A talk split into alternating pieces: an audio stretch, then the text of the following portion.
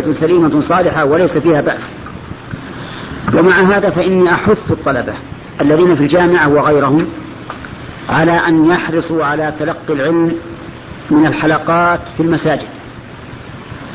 لأن الحلقات في المساجد علمها مبروك وفيه خير كثير. ولكن يجب أيضا أن يختاروا من المدرسين من يوثق بعلمهم وأمانتهم وعقيدتهم. لأنه قد يدعي الإنسان أنه عالم وهو جاهل وقد يظن أنه أمين وهو غير أمين وقد يظن أنه سليم العقيدة وهو مختل العقيدة. وما أكثر الذين يدعون العلم ولكنهم جهال. ويذكر أن شخصا يقال له تومة تومة حكيم يدعي العلم والمعرفة وكان يركب حمارا له فقابله رجل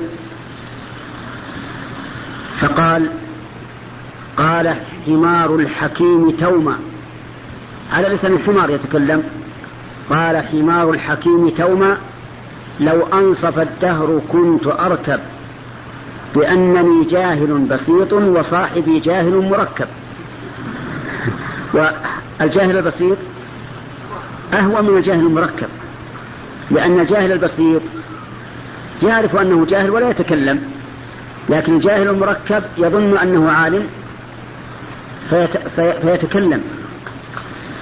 وسأذكر مثالين الآن ليتبين الجاهل, البس... الجاهل البسيط من الجاهل المركب.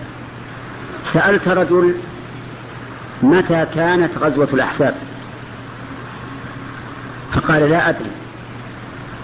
وسألت رجلا آخر فقلت متى كانت غزوة الأحزاب؟ قال كانت غزوة الأحزاب في السنة الثانية عشرة من الهجرة. فسألت ثالثا متى كانت غزوة الأحزاب؟ قال كانت في شوال في السنة الخامسة من الهجرة. عندنا ثلاث ثلاثة رجال كلهم وجهت إليهم هذا السؤال. الأول قال لا أدري. بماذا تصفه؟ جاهل بسيط. والثاني الذي قال في السنة الثانية عشر من الهجرة بعد موت الرسول بسنة كسر هذا نقول جاهل مركب. والثالث عالم لأنه قال ما وافق الواقع. نعم. فضيلة الشيخ هل يجوز للإمام في الصلاة الجهرية أن يسكت سكتة طويلة حتى يتمكن المأموم من قراءة الفاتحة؟ نعم. السكتة بين قراءة الفاتحة وقراءة السورة وردت في حديث سمرة بن جندب من رواية الحسن عنه والعلماء مختلفون في مثل هذا هذا الإسناد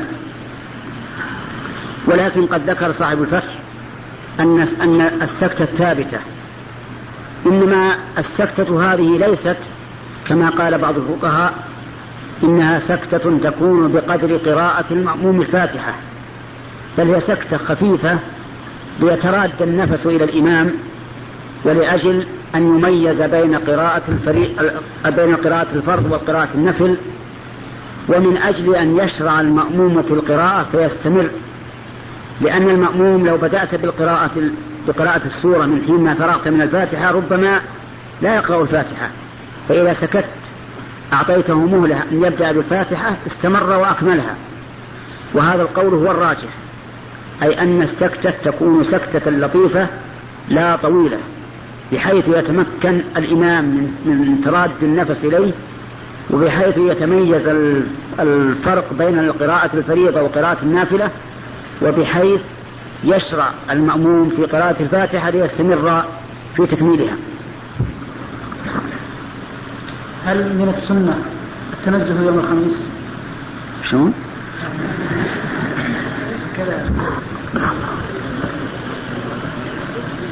هل نجيب على هذا السؤال أو لا يستحق جوابا؟ ها؟ هذا يسأل يقول هل من السنة التنزه يوم الخميس؟ إذا كان عنده دليل على ذلك فليتفضل به إن شاء الله في الليلة القادمة. ونحن ننتظر الجواب منه مع الدليل. تنزل يقولون يبي يكشف لا ما في مو متنزل.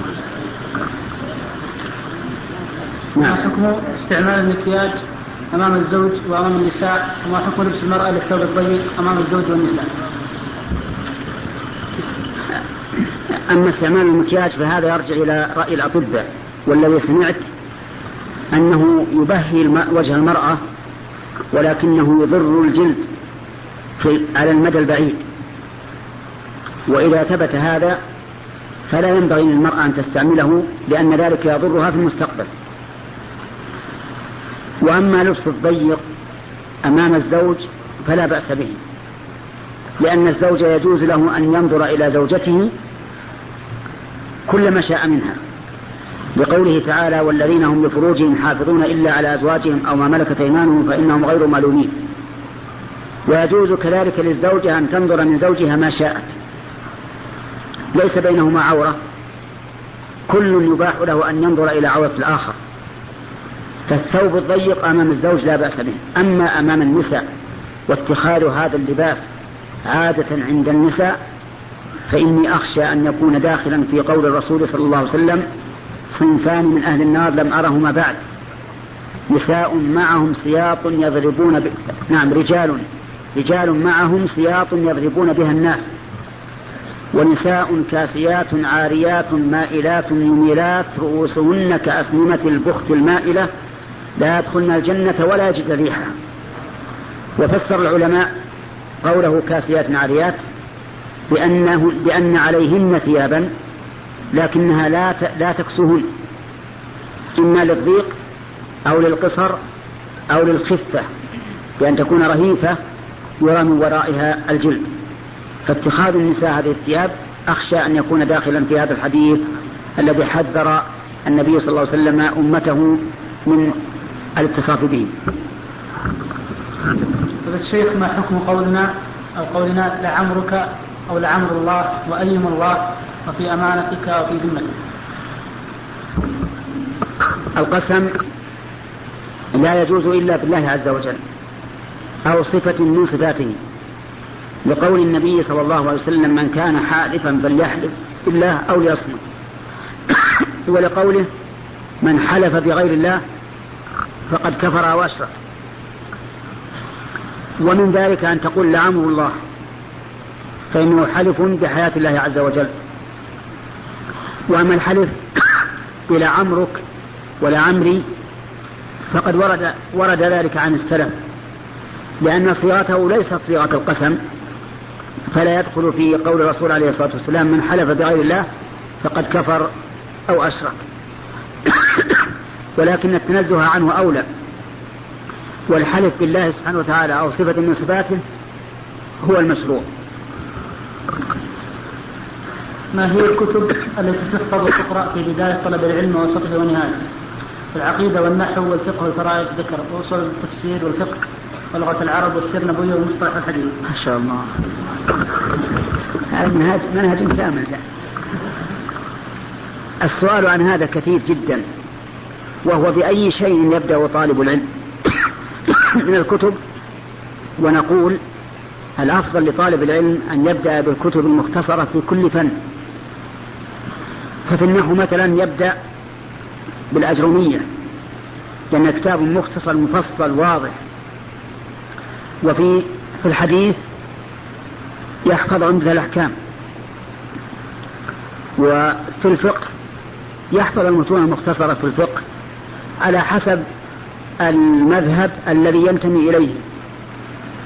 فإن كان ينتمي إلى مذهب الحنابلة أخذ بالكتب المختصرة في مذهبهم وإذا كان ينتمي إلى مذهب الشافعية فكذلك وكذلك الذي ينتمي إلى المالكية أو إلى الحنفية. ولكن يجب أن نعلم أن كتب الفقه التي تقرأ أو تحفظ لا ليس معناها أنها بمنزلة كتب الحديث لأن كتب الفقه ليست حجة. لكن يجعلها الإنسان أساسا ليبني عليها العلم ولا يحتج بها الحجة فيما قاله الله ورسوله. لكن هذه من أجل أن يكون طلبه للعلم دائرا عليها فقط فهي كالفهرس لأحكام الشريعة. نعم. أما العقيدة فأحسن ما يكون العقيدة الوسطية لشيخ الإسلام ابن تيمية. لأنها زبدة عقيدة أهل السنة جعلني الله وإياكم منهم. وأما التاريخ وما ذكره في سؤاله فهذا يرجع إلى علماء التاريخ مع أنه لا حاجة إلى أن يغيب التاريخ. اللهم إلا إذا كان هناك خلاصة لسيرة النبي صلى الله عليه وسلم وسيرة الخلفاء فربما يقول يمكن أن يغيبها الإنسان. طيب ما رأيكم لو أحولكم على العالم الذي يدرسكم؟ خلاص انتهي. أنا أحيلكم على العالم الذي يدرسكم. فضيلة الشيخ ما حكم ظهور مدرسي الفتيات في الجامعات على الشاشة التلفزيونية؟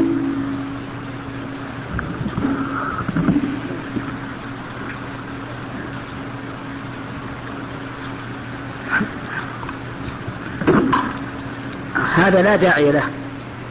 إذ بإمكان المدرس أن يدرس فيظهر الصوت دون الصورة وإذا كان لا داعي له فالأولى التنزه عنه. أما التحريم فليس بحرام لأن المرأة لا يحرم عليها النظر إلى الرجل إلا أن يكون نظرها مقترنا بتمتع أو شهوة فيحرم عليها. وأما إذا لم يكن مقترنا بشهوة أو تمتع فلا حرج عليها أن تنظر إلى الرجل. ولهذا كانت عائشة أم المؤمنين رضي الله عنها تنظر إلى الحبشة وهم يلعبون في المسجد والنبي صلى الله عليه وسلم يسترها عنهم. وقال لفاطمة بنت قيس اعتدي في بيت ابن أم مكتوم فإنه رجل أعمى تضعين ثيابك عنده. وما زال المسلمون تخرج نساؤهم إلى الأسواق وهم ينظرن إلى وجوه الرجال. ولم يقل للرجال احتجبوا عن النساء كما تحتجب النساء عنكم.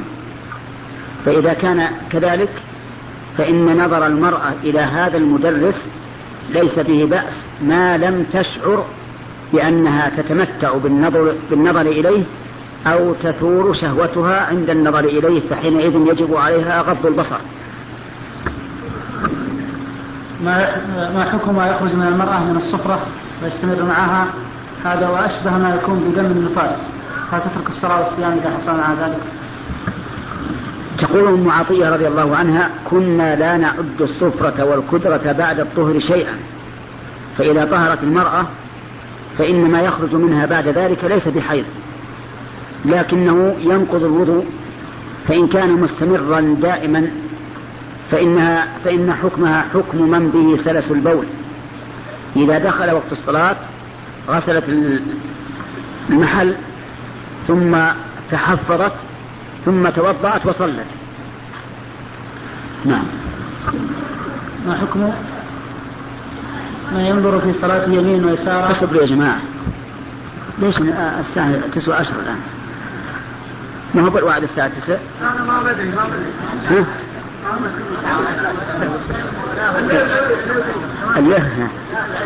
الليل طويل لكن يمكن نشق على بعض الناس. السؤال الأخ هذا. ها؟ طيب. أحسنت. استرح.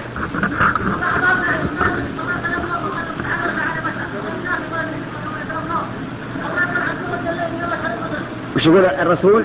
يقولون عن الرسول؟ طيب يسأل عن المذاهب هل هي بدعة أو غير بدعة نقول إن المذاهب المذاهب هي أقوال أئمة أئمة من علماء المسلمين وهي آراء لكن البدعة التعصب للمذهب التعصب للمذهب بحيث لا يقبل شيئا سواه وإن كان هو الحق. هذا هو الذي لا يجوز. لأن الواجب على الإنسان إذا بان له الحق أن يتبعه سواء كان على مذهبه أو على خلاف مذهبه. لكن أهل العلم يأخذون بهذه المذاهب من أجل أن يأخذوا بقواعدها فقط لا أن يجعلوها حجة لهم عند الله. فإذا بان لهم الحق وجب عليهم الرجوع إليه لأن الله يقول ويوم يناديهم فيقول ماذا أجبتم؟ المرسلين لم يقل ماذا أجبتم أحمد بن حنبل أو محمد بن إدريس أو مالك بن أنس أو النعمان بن حنيفة؟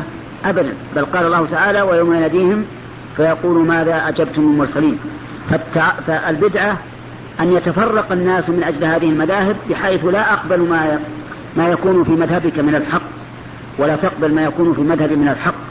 أما إذا كان الإنسان يرجع إلى الحق فلا بأس أن ينتمي إلى مذهب من أجل أن يبني قواعده عليه ولكنه يأخذ بالحق إذا تبين له.